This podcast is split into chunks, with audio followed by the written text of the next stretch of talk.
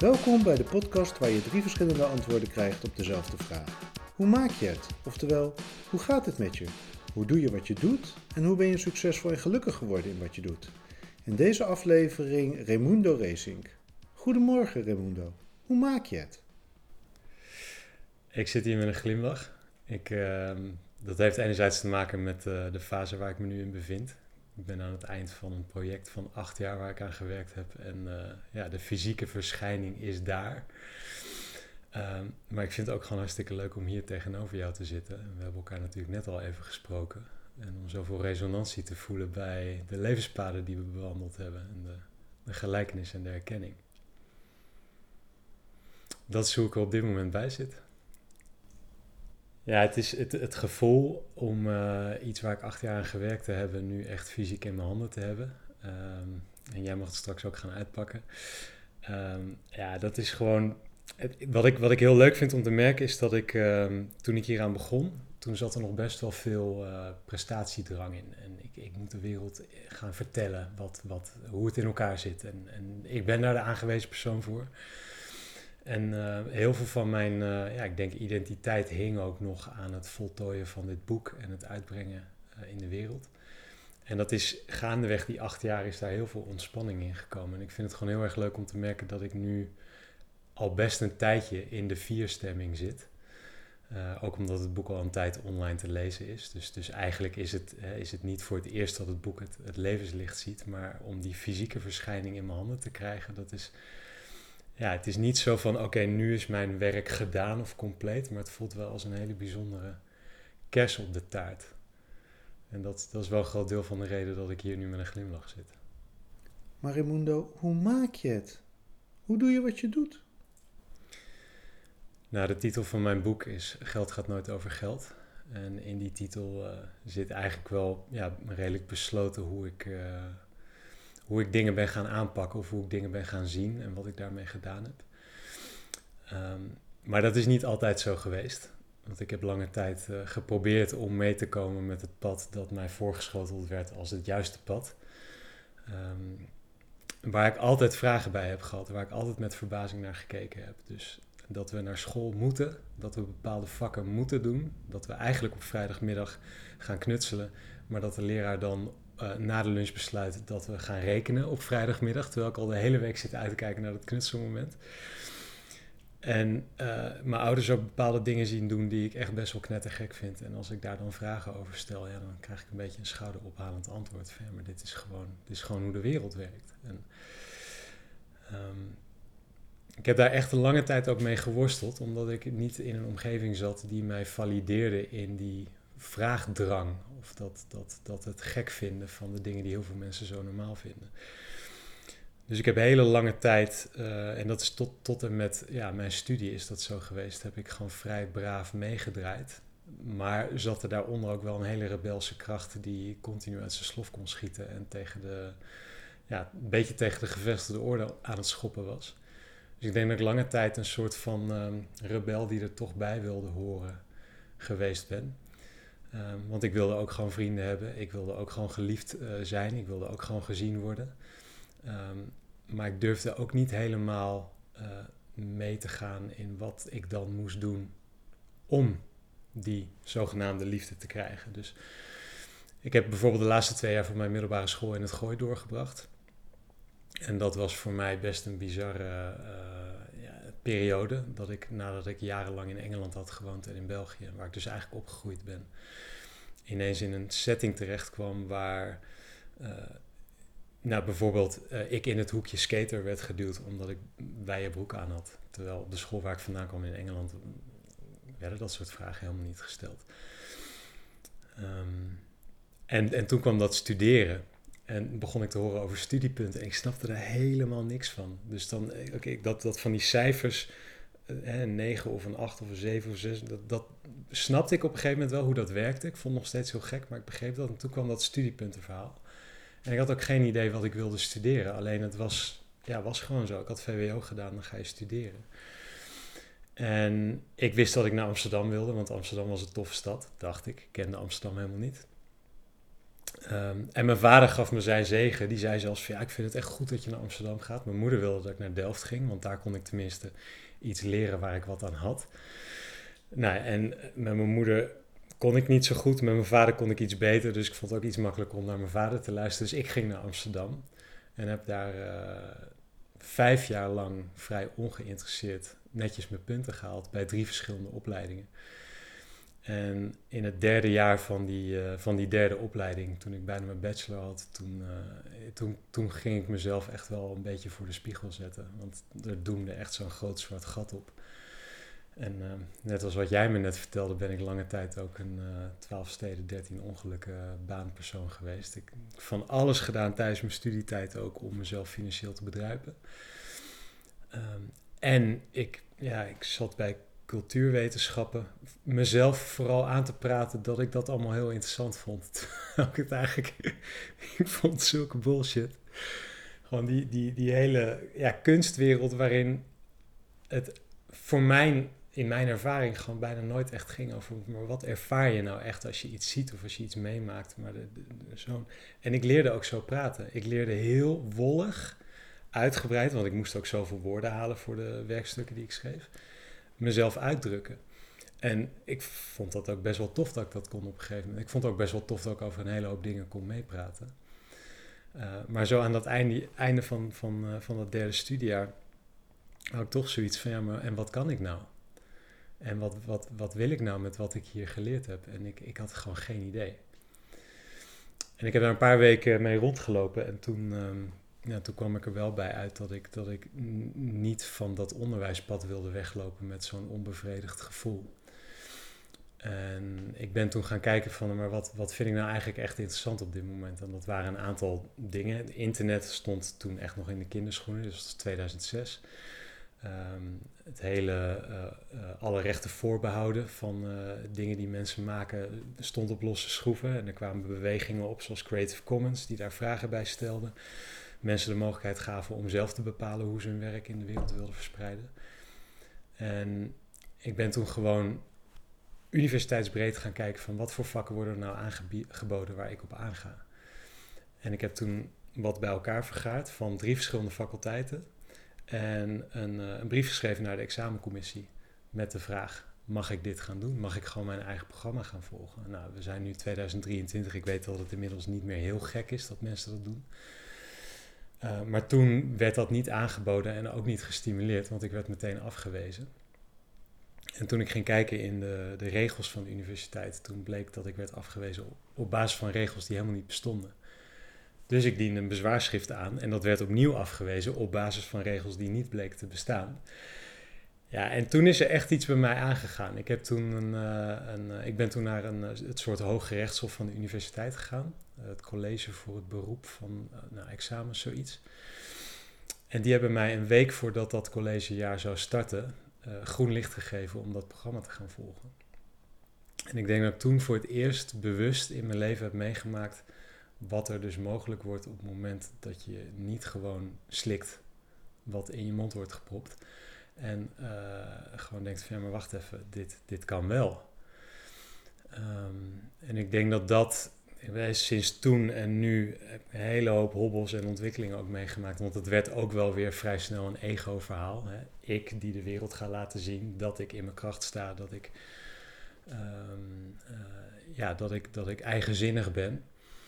Um, nou, en als dat, als dat dan op een gegeven moment een eigen verhaal gaat worden, dan, ja, dan, dan doe ik dat altijd. En nu, ik voel dat ik nu op een veel rustigere plek ben, waarin ik nog steeds wel een beetje dat, dat felle kan hebben. Uh, ja, een beetje, ja, warrior, warriorship. Ik weet even niet wat het Nederlandse woord is, maar um, ja, ik slik het gewoon niet. En ik, ik, uh, ik wil gewoon leven dat het wel kan. Dat, dat als wij iets voelen, dat dat belangrijk is. Dat we, als we voelen dat we iets willen maken, als we voelen dat we iets willen creëren of dat we ergens naartoe willen gaan, dat dat gewoon mogelijk is.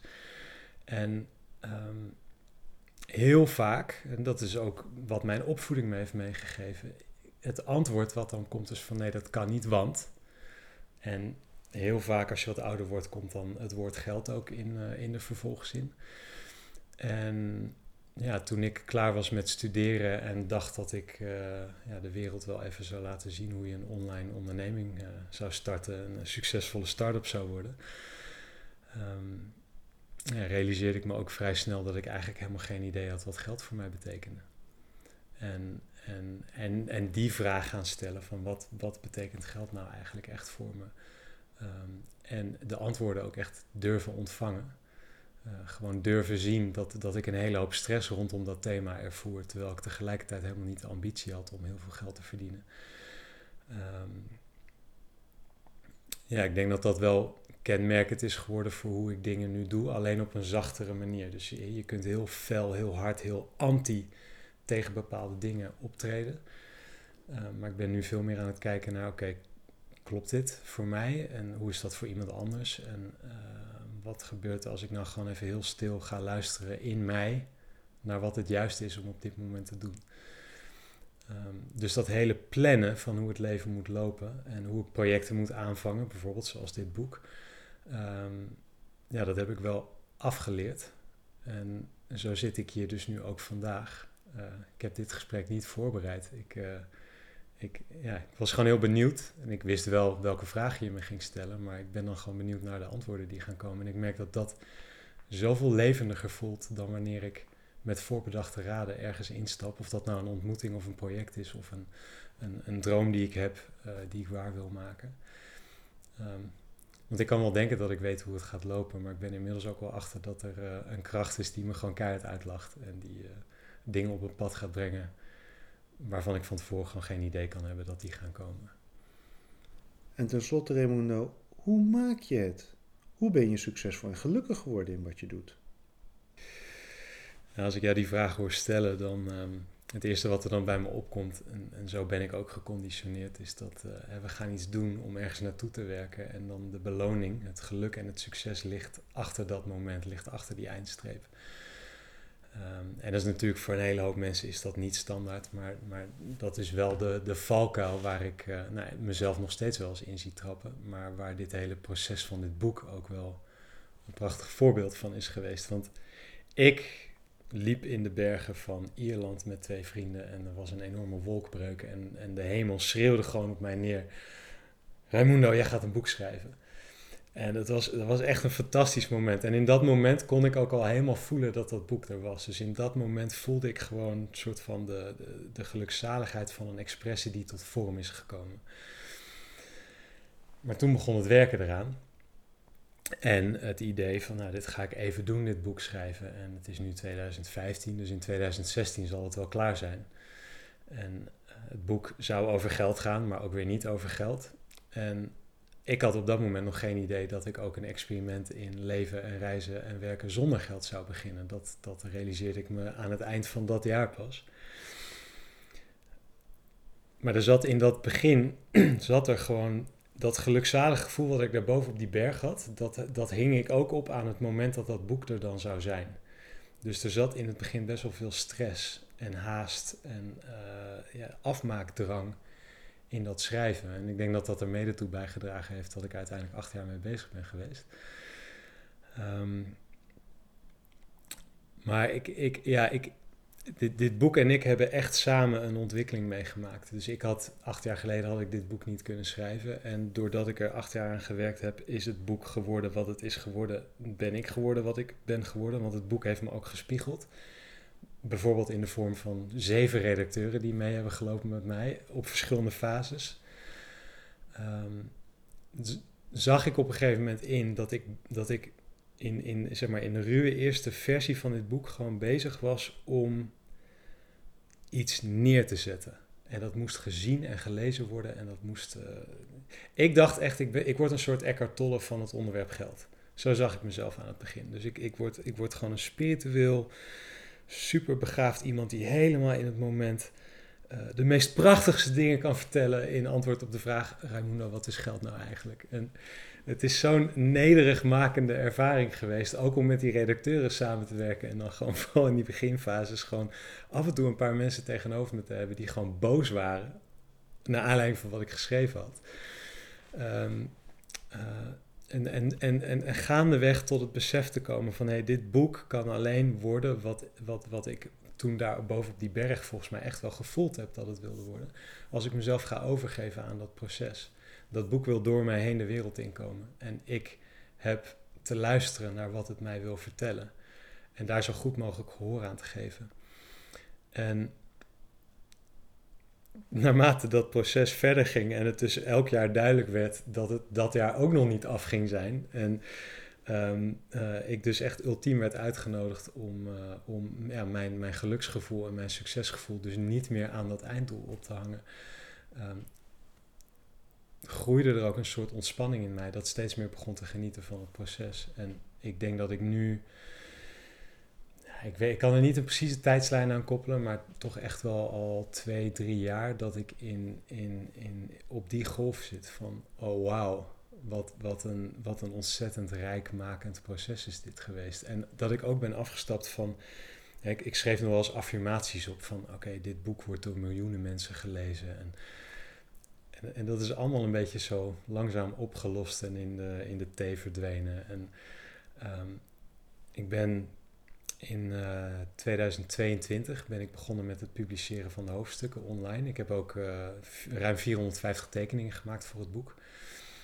En ik heb gewoon elk, elk hoofdstuk als een blogpost op mijn website gezet. En nou dat ik dan van af en toe van iemand zo'n reactie terugkreeg van wat het met hen gedaan had en waar het ze geraakt had en hoe het ze geholpen had om, om hun, hun worstelingen ten aanzien van dat thema in beweging te krijgen dat voelde als zo'n geschenk. Naast gewoon het plezier beginnen te hebben, echt in het creëren, tijdens het creëren, niet om het af te krijgen. Um, en, één ding wat ik nog wel leuk vind om te benoemen is, ik, ik sta nu aan het einde van, van ja, het, is, het boek is er nu. Jij gaat het zo uitpakken, het is er. Het is in de vorm gegoten en in die zin is het ook gestold, kan ik er niet meer aan rotzooien. Um, maar ik dacht eerder al, in 2017, dus twee jaar nadat ik begonnen was met het boek, dat het boek af was. En dat ik een crowdfunding campagne ging beginnen. En 6000 mensen zouden voor die campagne allemaal een tientje geven. Zodat ik uh, 60.000 euro zou hebben, omdat ik dan voor een tientje per boek 6000 exemplaren kon drukken. En dat moet toch lukken, want wie wil dit boek nou niet?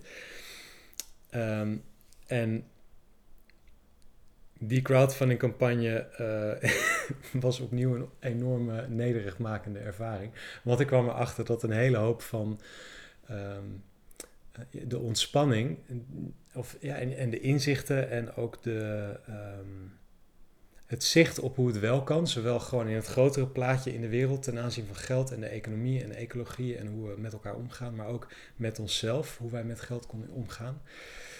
Um, ik kwam gewoon alle verkramping tegen in die crowdfunding campagne. Want als die crowdfunding campagne niet zijn doel zou halen, dan zou ik een mislukking zijn. En natuurlijk wist ik bewust dat dat niet zo was. Maar ik kon gewoon aan mijn systeem werken op een gegeven moment dat, dat, dat die overtuiging er echt nog wel in zat. En ik zag mezelf dingen doen tijdens die crowdfunding campagne. Gewoon hemel en aarde bewegen. Allemaal zogenaamd toffe social media posts plaatsen waar de, waar de, waar de zuigende kracht van afdroop. Um, en ook toen gewoon heel dankbaar weer voor de spiegels die ik in mijn leven had. De mensen om mij heen die gewoon aan de bel trokken en zeiden: Raimundo, wat, uh, hoe gaat het nu eigenlijk met je op dit moment? En dat ik gewoon in huilen uitbarstte, omdat ik gewoon, ik stond gewoon stijf van de spanning. Gewoon nachten niet geslapen, op mijn computer bezig om weer het volgende te bedenken wat die crowdfunding campagne dan naar een hoger niveau moest tillen. Um, en dat was er. En tegelijkertijd was er ook de. Ik, had een, ik vond ik zelf echt wel een hele leuke, deels geanimeerde video gemaakt voor die crowdfunding campagne. En, en daar zat zoveel passie en creativiteit in. Dus de, de kiem heeft er altijd ingezeten. Alleen ja, in de, in de loop der jaren is de, die, die spanning en die drang om iets te worden wat ik nu nog niet ben, dankzij dat succes wat ik straks ga behalen, die is steeds minder geworden. Dus voor mij is dit nu ook dit boek is er nu. En, voor een deel weet ik gewoon echt niet wat hierna. Um, ik zie mezelf niet een fulltime uh, um, lezingen geven, uh, toeren met het boek tot, tot, tot het einde der tijden. Ik vind het hartstikke leuk om dat te doen, maar ik zie mezelf, dat, dat is niet wie ik ben. Um, dus ik ben heel benieuwd wat er nu gaat volgen. Ik heb wel één droom. ehm, die ik al een aantal jaren heel sterk voel. Eh, en waarin ik volgens mij opnieuw mag oefenen, waarschijnlijk weer een aantal lagen dieper met eh, helemaal ontspannen in het moment. En, en de materialisatie daarvan niet mijn, mijn gevoel van succes te laten bepalen. Uh, en dat is een, een, een woon-leven-werkgemeenschap. waarin ik met een groep mensen en ook kinderen op een stuk land leef. En wij vallend en opstaand gaan ervaren en ontdekken, maar ook uh, uitdragen wat het betekent om echt met elkaar en met de aarde samen te leven. En voor mij is dit boek daar een, een, een ja, wel een, mooie aanzet toe geweest. Want alles wat ik in dit boek heb beschreven gaat voor mij uiteindelijk over de wereld waar we volgens mij allemaal het liefste in willen leven. Um, en hoe we die wereld waar kunnen maken. En ik heb, ik heb ja, zeker niet alle, alle antwoorden voor wat de stappen zijn. Maar ik, ik voel me die kant op bewogen. En, en um, ik, vind dat, ik, vind dat, ik vind dat een hele mooie spanningsboog. Dat um, er is iets wat ons drijft en in beweging brengt. En dat, en dat wil tot expressie komen. En als we daar geen gehoor aan geven, dan denk ik dat we nooit gelukkig kunnen zijn. En tegelijkertijd hebben we te leren, denk ik, um, om echt helemaal het moment nu te kunnen omarmen en te zien dat er nooit een volgend beter moment gaat komen. En die dans, ja, ik denk dat dat, eh, daar ben ik nog steeds mee aan het oefenen, maar ik denk dat dat, uh, ja, de, mijn antwoord is op jouw vraag van, uh, ja, hoe ben je succesvol en gelukkig geworden in wat je doet. Ik denk die dans steeds vrijer dansen. Ik heb hier nog wel één aanvulling op. Um, hoe ben ik succesvol en gelukkig geworden in, in wat ik doe? Ehm, ik heb met dit boek een aantal uh, keuzes gemaakt die uh, niet slim zijn tussen aanhalingstekens. Uh, het, het, is vrij op mijn website te lezen. Iedereen kan erbij. En als ze er iets voor willen geven, dan kunnen ze dat doen. Maar dat hoeft niet. Um, ik, heb, ik heb best wel een duur boek gemaakt. Als ik kijk naar de papieren versie. Gewoon de materialen en de kleine Amsterdamse drukker waar ik mee samengewerkt heb. De raddraaier. Um, heel veel witruimte, heel veel ruimte voor de tekeningen. Ehm, en ik heb besloten om het boek niet bij het Centraal Boekhuis aan te melden, omdat ik uh, een aantal dingen gewoon niet echt oké vind. Um, alleen al bijvoorbeeld als ik een ISBN-nummer wil, dan moet ik er meteen 10 aanschaffen als ik het allemaal in eigen beheer wil aanhouden. Dus alleen al voor een nummertje ben ik dan meer dan 200 euro kwijt. En ik hoor dan mensen om me heen wel eens zeggen van ja, maar Raimundo, als jij wil dat dit boek gelezen wordt, dan, dan, dan moet dat. Dan moet je die dingen doen. En ik ben echt heel blij dat ik gewoon heel duidelijk heb gevoeld. En ik ga niet zeggen dat er een, goed of een fout is. Ik denk dat voor iedereen is een eigen weg en, en iedereen zal daarin zijn eigen weg vinden. Maar als wij allemaal gewoon slikken uh, wat, er, wat, er, wat je hoort te doen, wanneer je in dit geval een boek gaat uitgeven, dan denk ik, dan denk ik dat we een stuk van onze creatieve kracht niet helemaal tot zijn recht laten komen. En ik weet dat dit boek wat hier nu ligt, wat jij zo gaat uitpakken, gewoon nooit de ruimte had gekregen die het heeft gekregen en daardoor heeft kunnen worden wat het is geworden als ik bijvoorbeeld uh, met een uitgever in zee was gegaan. Um, want dan alleen al gewoon qua productiekosten, no way. Um, en dus, dus, dus een, een heel groot deel van het succesgevoel dat ik op dit moment heb, is dat ik naar dit product kan kijken en echt voel van dit had niet mooier kunnen zijn dan dat ik het nu aanschouw. En dat is mede dankzij de keuzes die ik heb gemaakt, waarin ik me niet heb laten vertellen dat ik het links of rechts moest. En gewoon de kant op ben blijven gaan die, die goed en kloppend voelde. En als dat betekent, hè, dat is natuurlijk een mogelijke uitkomst, dat minder mensen het lezen dan swa. Maar ik geloof dat de impact van, de impact van het boek op de mensen die het uh, wel lezen, of die het in handen krijgen, gewoon vele malen groter is. En dat is uiteindelijk wat voor mij belangrijk is als het gaat om wat dit boek in de wereld kan doen. En dat was het alweer voor deze aflevering van Hoe Maak je het? Benieuwd wie mijn volgende gast is? Volg Hoe Maak je het op je favoriete podcastplatform of op Instagram en blijf op de hoogte.